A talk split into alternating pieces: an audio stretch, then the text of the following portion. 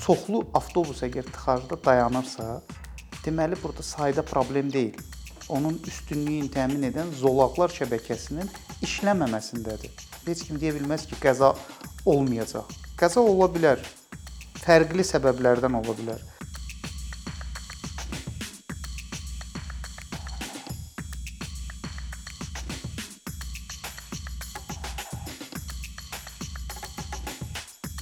Rauf bəy salam, xoş gördük sizə ikincidə.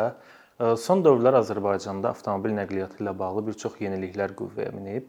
Mənə elə gəlir bunlardan ən vaciblərindən biri parkinq məsələsidir. Çünki uzun illərdir Azərbaycanda Nazirlər Kabineti parklanma ilə bağlı tarifləri müəyyən etməmişdi və əslində rəsmi olaraq ödənişsiz olmalı idi bu yerlər, amma biz müşahidə edirdik ki, bir çox şəhərin yerlərində qanunsuz ödənişlər alınırdı sürücülərdən. Artıq bir müddət öncə yeni bir tətbiq etmə hazırlanıb, mobil tətbiq vasitəsilə, eləcə də SMS vasitəsilə sürücülər ödəniş edə bilər və nağd ödəniş mümkün deyil artıq rəsmi qanuna görə. Və bu baxımdan mənə sizin fikriniz maraqlıdır ki, sizcə Azərbaycanda yeni tətbiq edilməyə başlanan bu parkinq sistemi qanunsuz ödənişləri aradan qaldırmağa bəs edəcək? Ümumiyyətlə bu model olaraq necə dəyərləndirirsiniz? Uğurlu bir yanaşma oldumu parkinq sistemi ilə bağlı?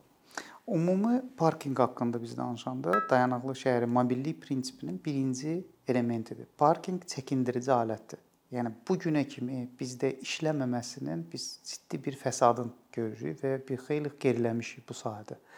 Amma tətbiqin işə düşməsi, ümumiyyətlə sistemin, nizamın sağlanması yolunda bu iş görülübsə, bu böyük bir addımdır və ciddi bir çəkindirici alətdir. Əgər diqqətlə fikir versək, 7 avqustdan artıq işə düşüb və müəyyən küçələrdə artıq biz bunu müşahidə edirik ki, tətbiq işləyən küçədə hələ sərt nəzarət yoxdur. Sadəcə tətbiqi işə salıblar. Amma cərimə sanksiyaları hələ ki işə düşməyib ki, yanlış parklamağa görə və yaxud ə, aidiyyəti olmayan parklamaya görə tutalım, 50-lərin yerində saxlamağa görə birazdan bu bunun üzərinə gedəcəklər, amma ilkin olan addımlardan görünür ki, sistem işləyir. Yəni əvvəl əgər 3-4 sıra biz avtomobilləri görürdüksə, indi e, parklanmanın saatlıq tarifi müəyyən olunandan sonra e, daha nizamlı və daha çox yer var, nəinki avtomobil. Deməli, sistem işləyir və bu sistem işlədikcə də təkmilləşdirilməyə ehtiyac olacaq. Mən istərdim ki, daha da sərt nəzarət olunsun. Yəni parklanma e, yerləri müəyyən olunubsa, konkret yerdə saxlasın. Yəni o nişanlama üfüqi nişanlama tələbini pozursa, bunun da cəriməsi tətbiq olunsun və yaxud ə, qeyd olunan ərazidə əgər parklanma müəyyən olunmayıbsa, orada parklayırsa, zebranı kəsirsə, insanların hərəkətinə mane olursa, bunu sərt şəkildə qarşı almalıdır. Ümumiyyətlə Azərbaycanda ehtiyac var ki, yolu kəsənin cəriməsi ağır olmalıdır hətta müvəqqəti sürücülük hüququndan məhrum etməyə qədər. Çünki bu birinci elementdir. Siz əgər e, digər e, hərəkət iştirakçısının hərəkətinə maneçilik törədirsinizsə, onda sual yaranır da. Siz sürücülük hüququnu necə əldə etmisiniz? Ümumiyyətlə sürücü digər hərəkət iştirakçılarına münasibəti necədir? Sizin psixoloji durumunuz normaldırmı? Yəni bu məsələlər e, bir-biri ilə əlaqəli olduğundan ona görə nəzarət də güclü olmalıdır. Düşünürəm ki, sistem tam işə düşdükdən sonra mövcud vəziyyəti sağlamlaşdıracaq və yaxşıya doğru dəyişəcək. Bildiyimiz kimi mərkəz zonası 1 manat, birinci zona 70 qəpik, ikinci 40 və üçüncü zona üzrə 30 qəpik 1 saat müddətinə müəyyən olunub. Hələ ki saat axşam ondan sonra və bazar günləri bu pulsuzdur. Amma bunu da gələcəkdə bunu da nizamlamağa düşünürəm ki, ehtiyac var ki, insanlar bu sistemə öyrəşəndən sonra bunu da nizamlamaq olar və bu da bütün neqativ halları aradan qaldıracaq. Siz qeyd etdiniz ki, parkinqin əsas funksiyalarından biri o tənzimləmə və çəkindirmə ilə bağlı ola bilər də. Bunu biraz daha açmağı xahiş edəcəm sizdən. Məsələn, biz daha çox nəqliyyat ekspertlərindən ona eşidirik ki, insanlar e, avtomobildən daha çox ictimai nəqliyyata önəm versələr, bu şəhərin nəqliyyat yükü baxımından daha faydalı ola bilər. Amma Bakı şəhərində məsələn ictimai nəqliyyatla bağlı problemlər hələ də qalmaqdadır. Məsələn, avtobusların intervalının gec olması, çox dolu olması, metro şəbəkəsinin çox zəif sürətlə böyüməsi. Sizcə ictimai nəqliyyat sistemində o həmin qeyd etdiyimiz problemlər aradan qalxmadan sırf avtomobillərin parkinqi ilə bağlı birinci olaraq bu tənzimləməni etmək işə yaraya bilərmi? Çünki avtomobillə işə getməməsi üçün insanın əsas motivasiyası məncə olmalıdır ki, mən ictimai nəqliyyatla rahat şəkildə işə gedim çıxım da. Əgər biz bunu ona təklif etmiriksə, sadəcə parkinq məsələsini ağırlaşdırmaqla istədiyimizə nail ola bilərik? Yox, burada ə, fərqli məsələlər var. Ümumiyyətlə fərqli cəhbələrdən bu islahat keçirilməlidir. Yəni siz birini etsiniz, digərini etməsiniz, ə, sistem işlək olmayacaq. Birinci parkinqin prioritetə birbaşa təsir edir və ə, hər hansı şəhər sakini evindən çıxmadan artıq ə, tətbiq üzərindən görür ki, həmin yerdə yer varmı, yoxmu və əgər yer yoxdursa, ümumiyyətlə avtomobillə çıxmağa gərək varmı sualı meydana çıxır və bu da həmçində qiymətinə görə də çəkindirir. İctimai nəqliyyata gəldikdə mən bunu bölərdim bu svetofor prinsipi ilə. Birinci əlimizdə olan infrastrukturumuz nə qədər səmərəli işləyir. Biz onu tam potensialı üzrə istifadə etmişikmi? İkinci mərhələ artıq onun çeşidlərinin artırılmasıdır. Amma bu gün küçə yol şəbəkəmizə biz üstünlüyü təmin etməmişik. Əgər interval gecikirsə, burada ə, demək hər zaman demək ə, doğru deyil ki, tək avtobus sayını artırmaq. Və son günlər bu ayna və daşıyıcılar bunu qeyd edirlər ki, avtobus sayı artırılır. Amma say artırılır və həmin çoxlu avtobus əgər tıxacda dayanırsa, deməli burada sayda problem deyil. Onun üstünlüyünü təmin edən zolaqlar şəbəkəsinin işləməməsindədir. Sərt nəzarətin olmamasındadır. Mövcud ə, qanunvericilikdəki 40 manat cərimənin azlığındadır. Yəni bu gün əgər sürətə görə çeşidli cərimələr qaldırılıb, amma avtobus zolağına daxil olmağın cəriməsi 40 manat olaraq niyə dəyişmədi? Yəni biz əgər çağırış eləyiriksə ictimai nəqliyyata yönəlsin, İnsanlar bu ictimai nəqliyyatda sürətli hərəkəti təmin olmalıdır. Komfortlu olmalıdır, avtopark yenilənməlidir. Bu bu da əhəmilidir. Amma hətta əlimizdə olan infrastruktur, yəni avtopark dayanmamalıdır. Və bunu təmin etmək üçün sərt nəzarət olmalıdır. Birinci mərhələ budur. İkinci cənab nazirin də çıxışında biz bir məsələni orada qeyd olunmuşdu ki, yaxın məsafədə yəni az ə, məsafədə mobilliyin təmini üçün piyada mikromobillik vasitələri üçün şəraitin yaradılması. Məsəl üçün 1 kilometrlik məsafədə 1-dən 3-ə qədər taksi sifariş olunursa, amma bunun əgər biz şəraitin yaratsaq və buna kimi yaradılmayıbsa, bunun da sualıdır, niyə yaradılmır? Niyə baryerlər aradan qaldırılmır? Səkilərin baryerləri aradan qaldırsa, insanlar həmin məsafəni piyada gedə bilər gedə bilməməyin səbəbi araşdırılmalıdır. Nöqtəvi həllər ola bilər. Tutalım bir səkidir, səkinin bir hissəsi baryer yaradır və bu da insanları həmin səkidən, hərəkətdən çəkindirir. Bu baryeri aradan qaldırılmamasına səbəbi nədir?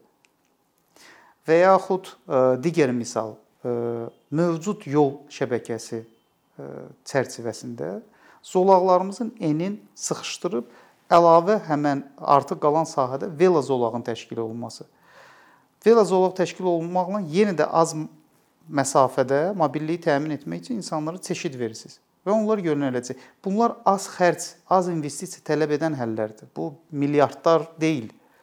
Yəni biz bir yolun tikintisi əgər çox böyük investisiya tələb edirsə, amma ə, hər hansı mövcud yolun çərçivəsində bir ə, üfüqi nişanlanma ilə xüsusi nişan deyək ki, delinatorlarını ayırmaq bu daha az xərc tələb eləyir, amma daha tez nəticə əldə edə bilərik. Yəni bu yöndə biz iş görsək, bugünkü vəziyyəti kökündən dəyişə bilərik. Və insanlarımız özü seçəcək ki, müəyyən məsafəni piyada mı gedəcək, mikromobillik vasitəsilə gedəcək və yaxud ayrılmış avtobus zolağına sahib olan avtobusla gedəcək və ya taksi ən son variant işte öz şəxsi nəqliyyatı ilə. Bu olmadığı təqdirdə biz kilidlənməyə doğru gedəcəyik.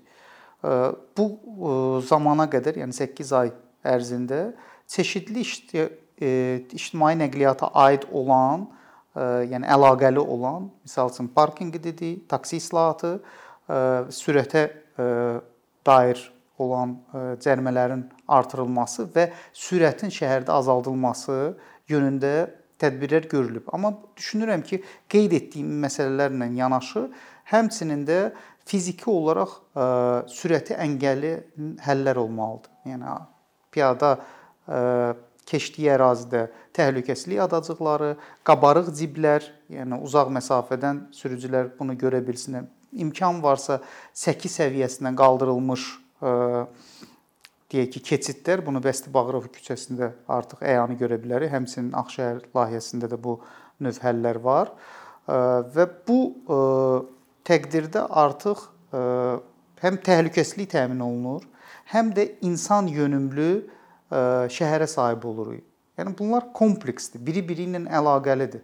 Siz birini düzəltdikdə digərləri də diqqət ayırması nə gərək var və bunu düzəltdiyiniz təqdirdə artıq verdiyi sualın da cavabı artıq tapılmış olur. Siz də bu məsələyə toxundunuz. Mənim də son dövrlər diqqətimi çəkən hadisələrdən biri də odur ki, Bakı daxilində bir çox küçələrdə hərəkət sürəti aşağı salındı və şəhərin bir hissəsində hətta 30 km/saat 30 km zona var. Zonalar yaradıldı.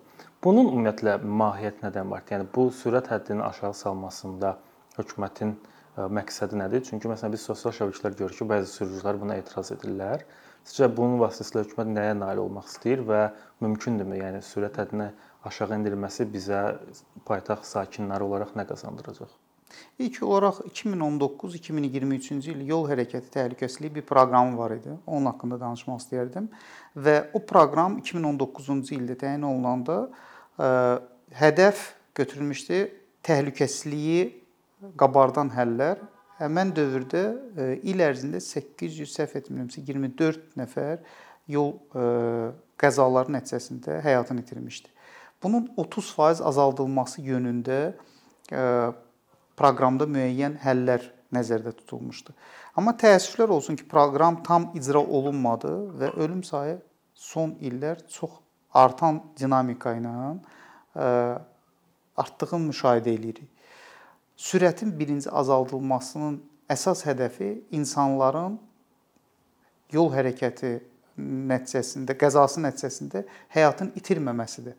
Yəni hər hansı bir sürətin azaldılanda qəza olduğu təqdirdə belə orada yüngül xəsarət ola bilər. Amma sürəti azaltmadığınız təqdirdə qəzanın nəticəsi ölümlə nəticələnəcək. Və bu yöndə də bir sıra Avropa ölkələrində də, yaxın qonşu ölkələrdə də bu növ tədbirlər görülür. Şəhərin daxilində sürət aşağı olmalıdır. Çünki burada daha sıx insanlar yaşayır, hərəkət edir Və burada qəza da olması qaçılmazdır. Yəni heç kim deyə bilməz ki, qəza olmayacaq. Qəza ola bilər. Fərqli səbəblərdən ola bilər. Ya ə, e, hər hansı bir ehtiyatsızlıqdan da ola bilər və yaxud ciddi qanun pozuntusundan da ola bilər. Amma əsas odur ki, bu qəzanın nəticəsi nədir? Biz ən dəyərli olan insanımızı itirək, yoxsa sadəcə yüngül xəsarətlə və yaxud ümumiyyətlə xəsarətsiz keçinək? Əsas hədəf təhlükəsizlikdir.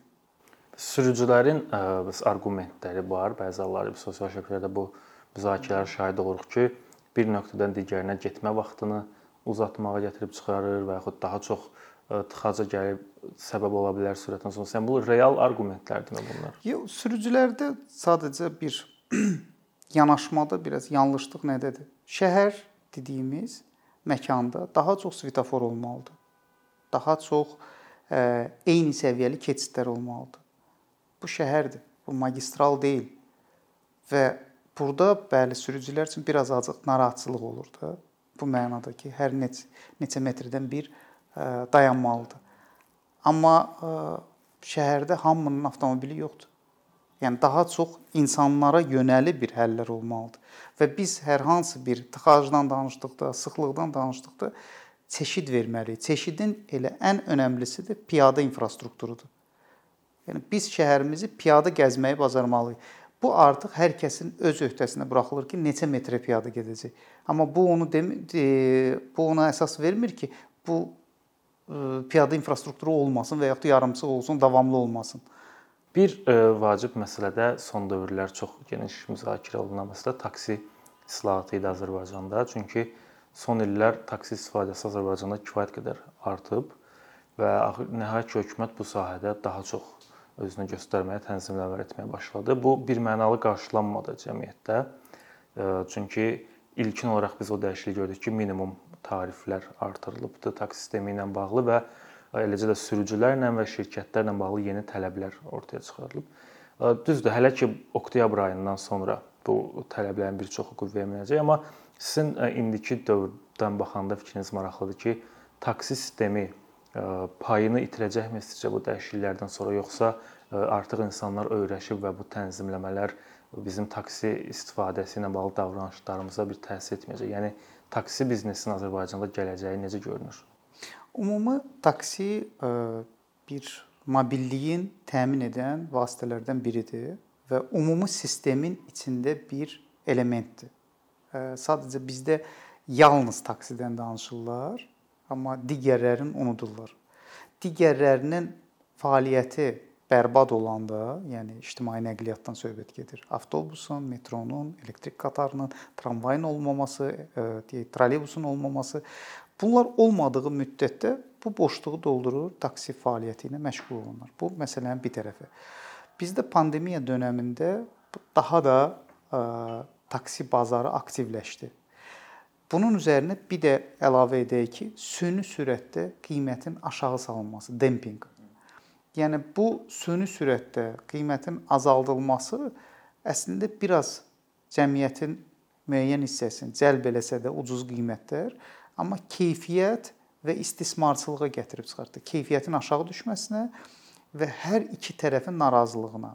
Yəni əgər fikir versəniz, son zamanlarda bu islahata qədər həm sürücülər şikayət eləyirdi, həm sərnişinlər şikayət eləyirdi. Hər iki tərəfin şikayətin əsas götürərək hökumət elə qərara gəldi ki, burada bir nizamlamağa ehtiyac var. Və bu nizamlamanın içində də təlimlər də nəzərdə tutulub, etik E, davranış qaydaları, yeni tə, e, çıxmış texnologiyalarla tanışlıq və e, ümumi qanunvericiliyin tələblərinə riayət olunması, vergilərlə bağlı digər qoyulmuş qaydalara əməl olunması yönündə təlimlər keçirilir və bu da ümumi taksi bazarında ciddi bir sağlamlaşdırma rolunu oynayacaq bu günə qədər yaranmış narazılığı aradan götürəcək. Thank you. Thank you.